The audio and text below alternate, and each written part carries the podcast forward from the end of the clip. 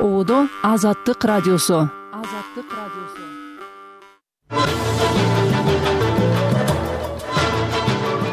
Кутман кечиңиз менен угарман. Ободо азаттык радиосу. Берүүнү алып барып жаткан кундуз кызылжарова күндүн негизги темаларынан кыскача өкмөт өзү иштетүүнү көздөп жаткан кызыл омпол кенинин зыяндуулугун адистерден жергиликтүү тургундардан түзүлгөн комиссия текшере турган болду. Кыргызстан айкөл беш гуманитардык комиссиясын алкагында сириядагы лагерлерден токсон тогуз жаранын алып келди. Гумандык политика болуп көп мамлекеттер өзүлөрүнүн ошо жарандарын аялдарды балдарды өз мамлекетине кайтарып келүү иштерин жүргүзгөн. Оппозициячыл саясатчы алексей навальныйдын сөөгү туугандарына бериле элек пятый день я не могу увидеть его. Мне не выдают его тело. Беш күндөн бери мен аны көрө албай атам. Сөөгүн беришпейт. Ушул жана башка темаларга кеңири токтолобуз эфирден алыстабаңыз. Жыйырма биринчи февраль күнкү чыгарылышыбызды тыңдап жатасыз. Кесиптешим санжар эралиев жаңылыктар менен тааныштырат саламатсызбы? Жогорку кеңеш жергиликтүү кеңештердин укугун азайткан долбоорду четке какты министрлер кабинети сунуштаган мыйзам долбооруна бүгүнкү жыйында жетимиш бир депутат каршы үчөө макул деп добуш берди. Депутаттар документ конституцияга каршы келерин айтып сынга алышты а бул жерде канатында бутунда колунда кыркып мынжы кылып атабыз жергиликтүү кеңештерди. Эгер мындай мыйзам кабыл турган болсок мэрияны мэрия эмес эле болуштук дейли же княжество деп коелу жалгыз өзү хан жарым паша болуп анда коррупциянын башатошу болот бүт мамлекеттин башатошу болот деди депутат нуржигит кадырбеков. Долбоорго ылайык бишкек жана ош шаарынын мэрлерине шаардын бюджетин э, шаардык кеңештин депутаттарынын талкуусу жок өзү бекитүү мамлекеттик органдардын шаардагы башкармалыктардын жетекчилерин дайындоо жана кызматтан алуу тарифтерди өз алдынча бекитүү укуктарын берүү сунушталган эле акш орус оппозициячыл э, саясатчысы алексей навальныйдын колонияда каза болушуна жана украинадагы эки жылга созулган согушка байланыштуу орусияга каршы санкциялардын ири пакетин жарыялады. Кандай чаралар көрүлөрү жыйырма үчүнчү февралда айтылаарын акшнын президенти джо байден калифорниядагы сапары учурунда айтканын рейтер агенттиги жазды. Шейшембиде ак үйдүн улуттук коопсуздук боюнча өкүлү джон кирби санкциялар даярдалып жатканын билдирген. Анын белгилешинче акшнын москвадагы элчилиги навальныйдын каза табышы боюнча көбүрөөк маалымат алууга аракет кылууда. Кремлдин сынчысы алексей навальный он алтынчы февралда абакта каза болгон саясатчынын тарапташтары аны өлтүрүшкөн деп эсептейт жасаты жакындарына бериле элек human rights watch уюмунун европа жана борбор азия боюнча директору хью уильямсон кыргызстанда сунушталып жаткан чет өлкөлүк өкүл мыйзамы жана он бир журналисттин камалышы жөнүндө сөз кылып адам укугунун абалынын начарлап жатышына тынчсыздануусун билдирди. Бул тууралуу x баракчасына жазып уюм кыргызстандын тышкы иштер министрлиги жана кыргызстандын акшдагы элчилиги менен жолугууга даяр экенин билдирди. Бир канча талаш талкуу жаратып артка кайтарылып эл аралык уюмдардын сынына кабылган коммерциялык эмес уюмдар жөнүндө мыйзам долбоору жыйырманчы февралда жогорку кеңештин конституциялык мыйзамдар мамлекеттик түзүлүш сот укуктук маселелер боюнча комитетинде каралып андагы кылмыш жоопкерчилигине тартуу беренеси алынган. Уюмдун өкүлүнүн билдирүүсүнө дагы бир себеп камактагы журналисттер. Он алтынчы январда таңерти ички иштер министрлиги темиров лайф медиасынын мурдагы жана азыркы он бир кызматкеринин үйүндө тинтүү жүргүзүп камакка алган. Милиция аларды массалык башаламандык беренеси менен айыптап жатат журналисттер коюлган айыпты четке кагууда эркин европа азаттык радиосунун президенти стивен капус орус бийлигинин корпорацияны жагымсыз уюмдардын катарына киргизүү чечиминен кийин билдирүү жасады. Бул орус бийлиги чынчыл журналистиканын ишин өзүнө жаралган коркунуч деп эсептегенинин дагы бир мисалы. Миллиондогон орусиялыктар ондогон жылдар бою бизге так маалыматтын булаа катары ишеним артып келген жана арта берүүдө. Радионун муунтуу аракети бизди орусиянын жашоочуларына маалымат таратуу эркин жана чынчыл журналистиканы улантуу үчүн мындан да катуу иштөөгө түртөт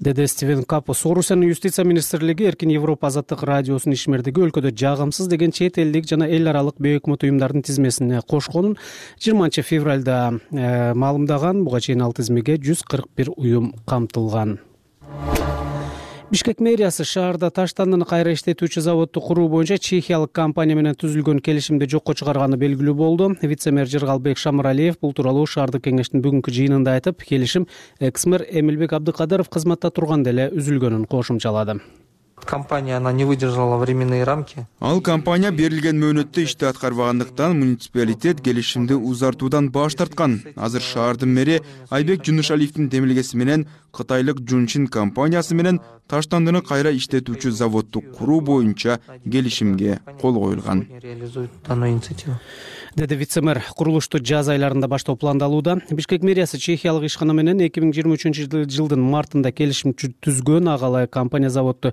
кырк беш миллион долларга куруп бермек ал өзүн он беш жылда актайт деп айтылып жаткан.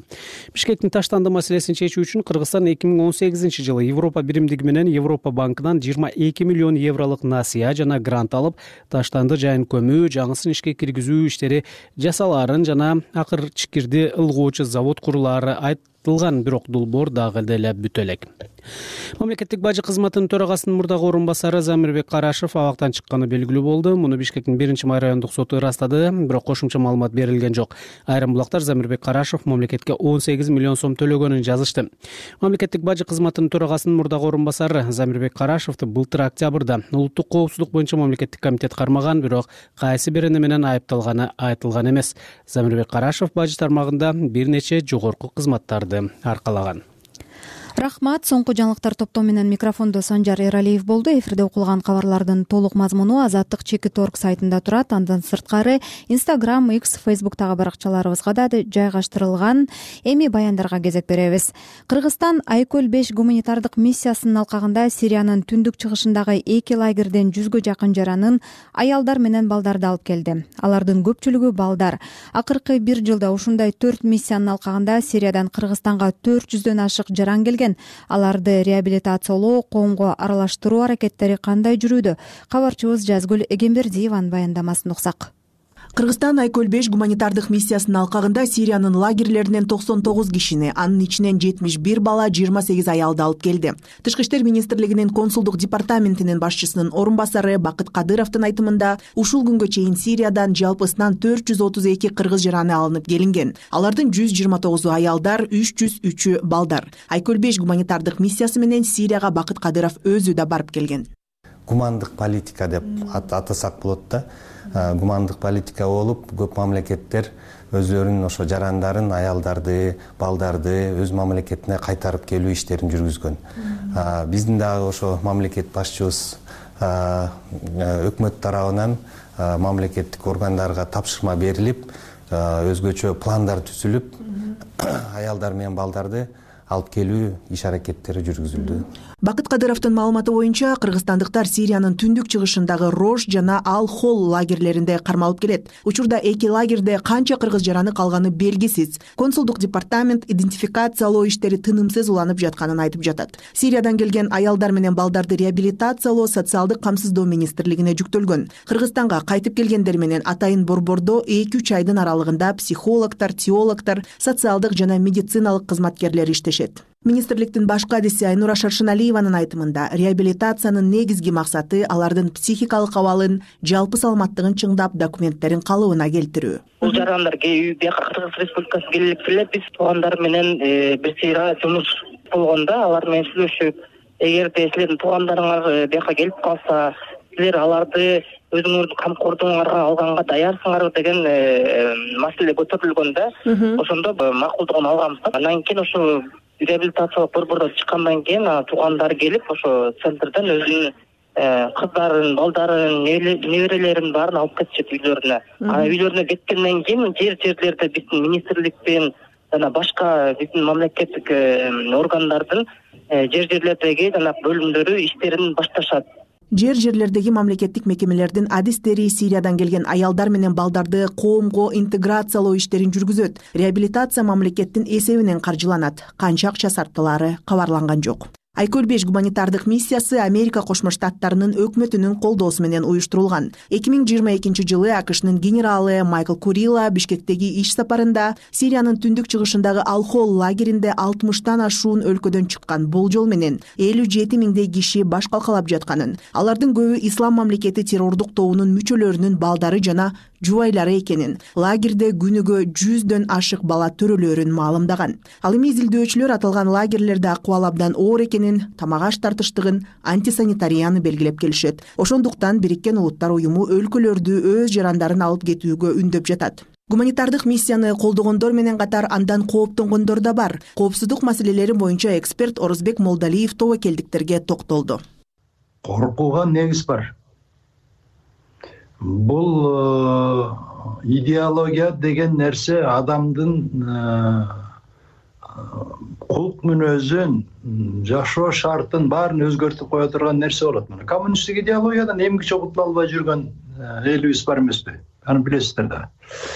Экстремисттик идеология менен бул сирияга барышты адашып барып калышкан жок окуусунан барып калышкан жок. Акырындык менен э, бул э, идеологияга э, жайылтканга аракет кылгандар болушу мүмкүн. Жакын ич араларында ошон үчүн булар менен иштеш керек орозбек молдалиев өлкөдө дерадикализация программалары иштеши керек деген пикирде. Мындан тышкары диний кызматкерлер салттуу мазхабтарды жайылтууга кам көрүшү керек деп кошумчалады. Атайын кызматтын эки миң он сегизинчи жылдагы маалыматына караганда сириянын согуш болуп жаткан аймактарына кыргызстандан сегиз жүз элүү жаран кетип анын жүз элүүсү набыт болгон. Террордук уюмдарга кошулуп кеткен кыргызстандыктардын жүз кыркка жакыны аялдар экени айтылган. Жазгүл эгембердиева нурлан бишибаев азаттык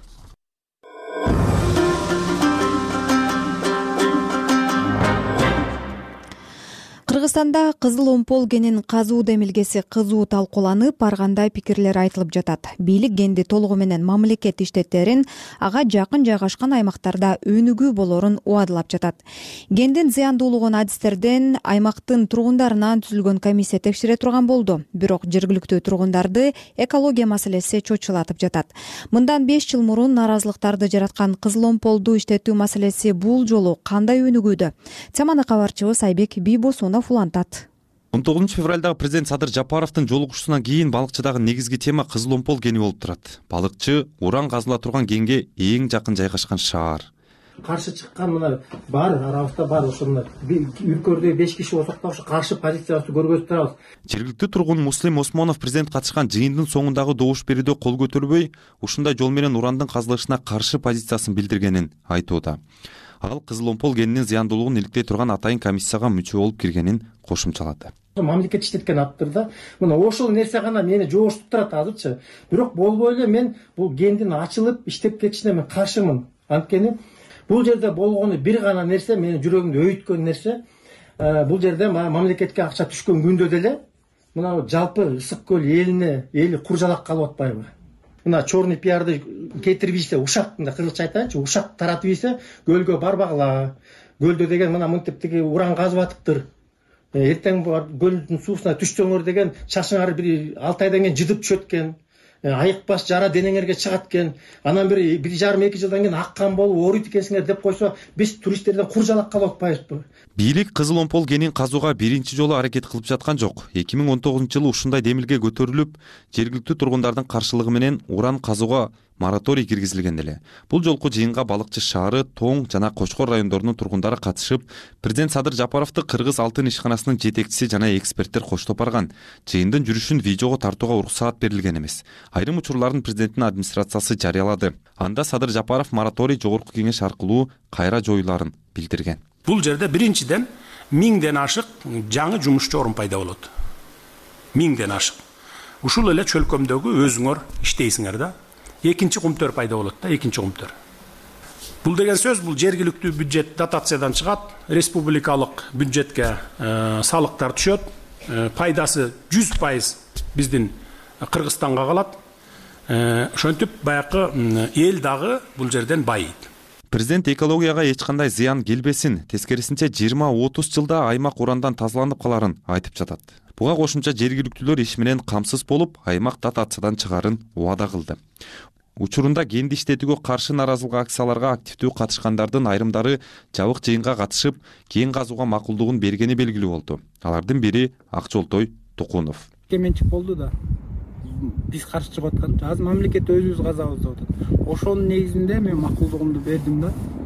Анан саясий кырдаалга да байланыштуу айтып атпаймынбы азыркы дүйнөдөгү отуз жылда бир элүү жылда бир келген дүйнөдөгү кээ бир мамлекеттер жок болуп кетишчү учурда турат да. Мисалы үчүн ошо мен жеке өзүм айтып атам да ошо кыргызстанга стабилдүүлүк жана тынчтык болуш үчүн эле мен каршы чыккан жокмун. Расмий маалыматка ылайык кызыл омпол тоо кен участогу бир миң тогуз жүз элүү биринчи жылы ачылган. Сссрдин убагындагы чалгындоо иштеринде жалпысынан он үч миң тонна уран бары анын үч жарым миң тоннага жакыны реалдуу казып алууга боло турган запас экени эсептелген. Айрым адистер кенди иштетүүдөгү тобокелчиликтерге тыкыр көңүл буруу зарылдыгын эскертип жатышат ошол жерди иштеткенде анан болгондо дагы ачык жол менен деп атпайбы открытый способ карьер деп э, баягы шахтный эмес. Ошол жерде өтө чоң бир көйгөй жаралып кетиши мүмкүн да. Ошонун шамалы менен барып түп түз эле көлгө түп түз эле тиги орто токой суу сактагычына ошондой эле чу чүй суусуна дарыясына барып ошол уран ошол жака учушу мүмкүн деген сөз да. Борбор азияда казакстан жана өзбекстанда уран казылат. Дүйнөдө уран өндүрүү боюнча коңшу казакстан биринчи орунда турат. Андан кийин канада жана австралия орун алган. Кыргызстанда кезинде кажы сайда майлуу сууда шекафтарда миң кушта төө моюнда жана башка жайларда уран казылган. Азыр кыргызстанда урандын калдыктарын сактоочу жыйырма үч жай бар. Айбек бийбосунов айсалкын кубанычбекова эрлан жумакадыров азаттык бишкек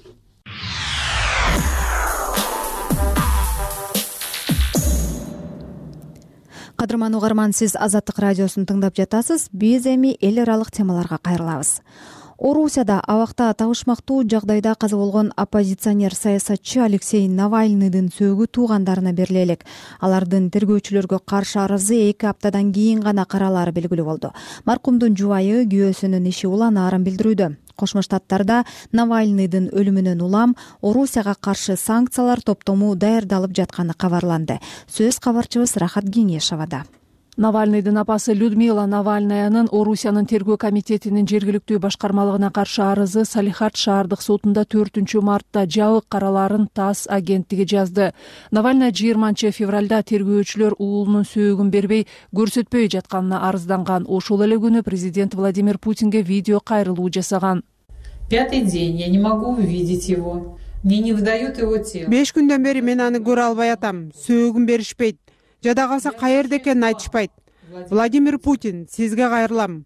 Бул маселенин чечилиши сизден гана көз каранды деги уулумду көрсөткүлөчү. Алексейдин сөөгүн тез арада өткөрүп беришиңерди талап кылам. Аны адамча жерге берейин. Могла его по человечески похоронить. Тергөө комитети навальныйдын өлүмүнүн себеби териштирилип жаткандыктан сөөгү жакындарына бериле электигин айтууда. Навальныйдын маалымат катчысы кира ярмыш териштирүүнүн мөөнөтү кеминде эки аптага узартылганын билдирди. Абактагы навальный каза болгонун орусиянын жаза аткаруу мекемеси он алтынчы февралда билдирип ал сейилдеп келген кийин өзүн начар сезип эс учун жоготконун тез жардам барганы менен аны сактап калуу мүмкүн болбой калганын өлүмүнүн себеби такталып жатканын маалымдаган. Навальныйдын санаалаштары анын сөөгүнүн берилбей жатышын кылмыштын изин тазалоо аракети деп баалап орусиянын мыйзамдары боюнча тергөөчүлөр сөөктү бир айга чейин ал эми кылмыш иши козголсо андан да көп убакытка чейин бербей коюуга укуктуу экенин айтууда саясатчынын жубайы юлия навальная күйөөсүнүн иши уланаарын билдирип орусиянын азыркы режимине каршы баардык күчтөрдү биригүүгө чакырды.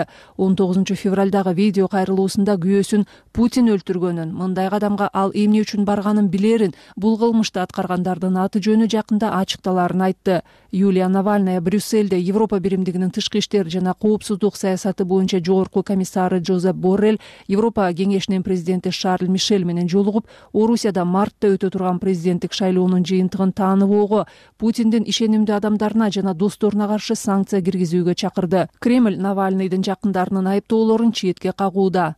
Владимир путиндин басма сөз катчысы дмитрий песков журналисттин суроолоруна жооп берип жатып жок биз комментарий бербейбиз. Албетте орус мамлекетинин башчысына карата айтылып жатканын баары куру сөз жана уятсыз айыптоо юлия навальная күйөөсүнөн ажыраганына бир нече күн гана болду. Ошондуктан анын айткандарын комментарийсиз калтыргым келет деп билдирди. Жыйырманчы февралда навальныйдын табышмактуу өлүмүнө байланыштуу акш орусияга каршы санкцияларды даярдап жатканын алар жыйырма үчүнчү февралда жарыяланаарын өлкөнүн коопсуздук кеңешинин расмий өкүлү джон кирби билдирди орус өкмөтү дүйнө жүзүнө кандай гана маалымат бербесин бул үчүн жоопкерчилик президент путинде жана анын өкмөтүндө экени анык. биз орус өкмөтүнөн навальныйдын өлүмү боюнча толук ачыктыкты талап кылабыз.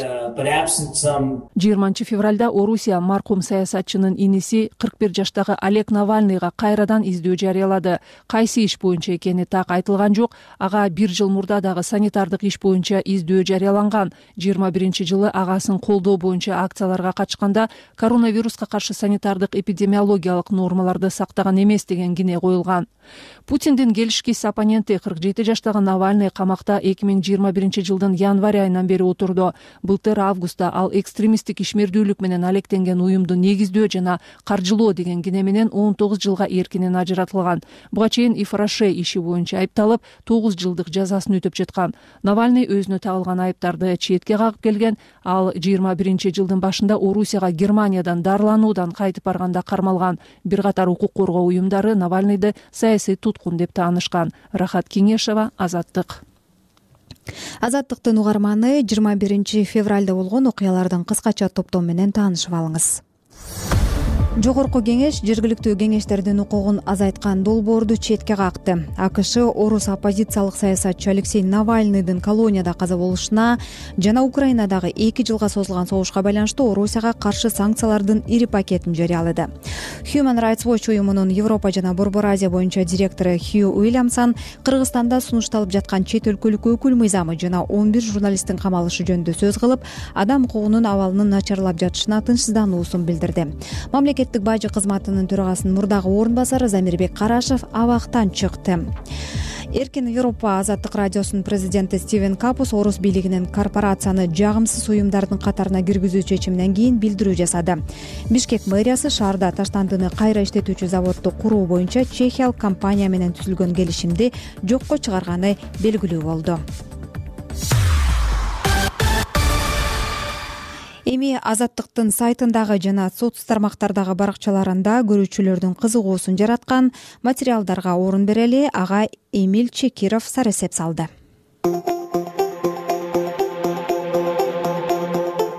Саламатсыздарбы?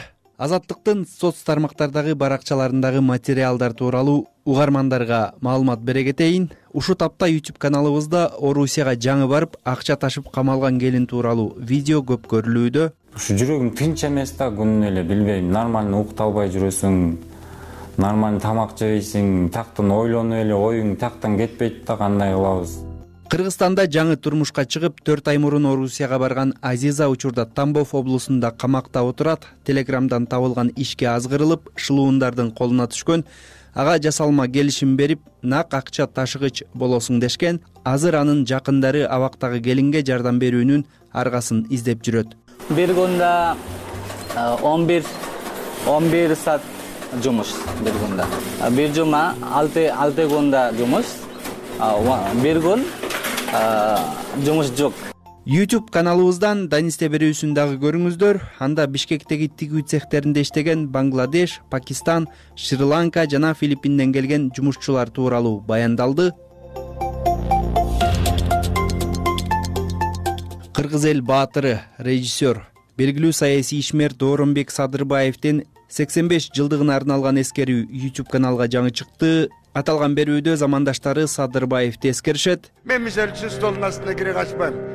Демирченге окшоп туруп беремин түз айтат эле так айтат эле жеткире айдайт эле айтат эле күлдүрө айтат эле күйдүрө айтат эле. Чыдагын өзүңдүн зөөкүр уулдарыңа өзүңдүн зөөкүр кыздарыңа куугунтук курмандыктары подкастынын кезектеги чыгарылышы совет өкмөтүнөн басмачылык кыймылдарга өтүп кеткен төрөкул жанузаков тууралуу изилдөөлөргө арналды. Билгем бир күн болбосо бир күн башы кыйып кетеринчи бирок кыргыз элин сактап калыш үчүн жана кыргындан бул катуу турган намыскөй болгон жана анда зордукту алып атса айыл айылга кирип чыпчык аткандай атып кетип атса элдерди намыстанган да. Анан ошон үчүн бир бирдиктүү бир күч катары басмачылыкты бир аракеттенген. Биздин улуттук мамлекеттүүлүк жөнүндөгү аң сезимибиздин түздөн түз жана алдыңкы сүрөөнчүсү болуп атат. Аталган подкастты apple подкаст google подкаст жана spotify платформаларынан уга аласыздар. Социалдык тармактардагы баракчаларыбызга сар эсеп салган кесиптешим эмил чекиров болду миграцияда жүргөн кыргызстандыктар тууралуу айтабыз эми орусиянын сургут аймагында навальныйды эскерген кыргызстандык полициянын зомбулугуна кабылды. Ал кыйноо фактысы боюнча орусиянын тергөө комитети жана прокуратурага арыз менен кайрылды. Кененирээк кабарчыбыз айгерим акылбекова баяндайт. Азаматты он жетинчи февралда абакта каза тапкан орусиялык активист алексей навальныйды эскерип репрессия курмандыктарына арналган эстеликке гүл коюп жаткан жеринен кармап кетишкен. Ну получается узнал я в пять часов вечера алексей навальный каза болгон күндүн эртеси эртең менен барып гүл коюуну чечтим. Анткени башка шаарларда саясий репрессиянын курмандыктарына арналган эстеликтерге гүл алып келип жатышкандар болду. Мен гүлдөрүм менен эстеликке жакындап калганда жарандык кийимчен үч киши менин тарапка чуркап келди. Алар күбөлүгүн көрсөтүп эле мени тез арада алып кетишти. Полиция бөлүмүндө жарандык кийимчендерге формачан адамдар кошулду. Алар кезек кезеги менен бизди киргизип сурак кылышты сурак маалында мен репрессиянын баардык курмандыктарын эскерип гүл коюуну чечкенимди айттым. Анан бир киши кирип келип эле фашист навальныйды колдогонум үчүн мен фашист экенимди айтып кыйкырып башыма ура баштады ал тапанчасын алып чыгып башыма такап баштады ошондон кийин алексей навальныйдын эресине гүл коюуну чечкенимди айттым. Алар мага крым кимдики сен лгбтнын мүчөсү эмессиңби деген сыяктуу суроолорду беришти. Ошол эле кезде менин азыр тынч жашоомдо өмүр сүрүп жатканыма согуштук операцияга катышкан аскерлердин салымы чоң экенин белградда салгылашта каза болгондорду колдоп чыкпаганымды да айтышты. Азамат кыргызстанда туулуп ымыркай кезинде ата энеси менен орусиянын сургут шаарына көчүп кеткен ал мектепти жогорку окуу жайды орусияда бүтүргөн. Они спросили где я родился. Я сказал в бишкеке в кыргызстане меня спросили кайда төрөлгөнсүң? деп сурашты мен кыргызстанда бишкекте бирок орусияда чоңойгом деп жооп бердим. Бул жерде бала бакчага мектепке университетке бардым. Бүт өмүрүм ушул өлкөдө өттү деп айттым. Алар мага ишенбей орусиянын жарандыгын качан алганымды сурашты мен аларга эгерде ата энесинин жок дегенде бирөөсү орус жарандыгын алса бала автоматтык түрдө өлкөнүн жараны болуп каларын айттым. Алар мага ишенишкен жок. Кыргызстанда төрөлсөм кантип эле орусиянын жараны болуп каларыма таң калышты жерге жаткырып колумду чоюп орусияда жашоо эмне үчүн жакпайт сага деп кийкетип жатышты. Жей турган наның бар жууна турган суу бар дешти. Жакпаса мекениңе барып эшек мин деп тилдешти. Сурак бүткөндөн кийин мен башкалар менен да сүйлөштүм. Ал жерде орус эмес жалгыз эле мен болчумун. Бирок менден башка эч ким кыйноого же уруп сабоого кабылганын айтышкан жок. Мени эле урушканын ошондо билдим маектешим ушул эле күнү сургуттагы жергиликтүү ооруканалардын бирине кайрылган. Травматология бөлүмүндөгү дарыгер берген медициналык тастыктамада физикалык күч колдонуудан бейтаптын башынын белинин сол саанынын жумшак тканьдары жабыркаган деп жазылган. Ал орусияда тыюу салынган эркин медиалардан макалаларды окуп алексей навальныйдын ишмердүүлүгү менен бир нече жыл мурун таанышканын да айтып берди. Я не смог удалить телеграмму у меня все смотрели у меня там много всяких э, независимых оппозиционных сми каналов. Телефондорубузду текшергенде менин телеграммамдан эркин медиалардын каналдарын көрүштү. Мен аларды өчүргөнгө жетишпей калдым. Алар улам улам мени оппозиционер турбайсыңбы? деп жазышты. Навальный тууралуу эки миң он жетинчи жылы уккам ошол жылы анын он вам не димон деген иликтөө тасмасы чыккан. Ошондо мен биринчи жолу сургутта митингге чыккам кызыгы ал митинг мен азыр гүл койгон эстеликтин жанында өткөн. Бирок ошол кезде эч кимди камашкан эмес. Эки миң он сегизинчи жылы татарстанда мен дагы митингге катышкам. Анда деле эч кимди камакка алышкан эмес. Бирок казанда навальныйды колдогон кийинки митингде мени жана навальныйдын башка тарапташтарын кармап кетишкен. Анда бир нече сутка камерада отуруп айып пул төлөп эркиндикке чыккан болчубуз азамат жыйырма биринчи февралда кыйноо фактысы боюнча орусиянын тергөө комитети жана прокуратурага арыз менен кайрылганы белгилүү болду. Орусиянын ар кайсы шаарларында навальныйдын элесин урматтап көчөгө чыккан эки жүздөн ашуун адам кармалганын буга чейин свобода радиосу кабарлаган оппозиционердин өлүмү тууралуу орус бийлиги он алтынчы февралда билдирген. Жаза аткаруу федералдык кызматынын версиясында өзгөчө тартиптеги колонияда отурган навальный сейилдеп келгенден кийин өзүн начар сезип эс учун жоготкон. Ага чейин жыйырма жетинчи жолу катаал шарттагы жазалоочу камерага отургузулган саясатчынын тарапташтары аны өлтүрүшкөн деп эсептейт. Жакындарына анын сөөгүн өткөрүп бериши элек айгерим акылбекова азаттык берүүбүздүн алгачкы жарым саатында дүйнөдө жана кыргызстанда болуп жаткан окуялардан кенен чонун айтып бердик. Баяндар текст түрүндө да азаттык чекит орг сайтына чыгып жатат. Кирип окусаңыз социалдык тармактарда бөлүшсөңүз болот.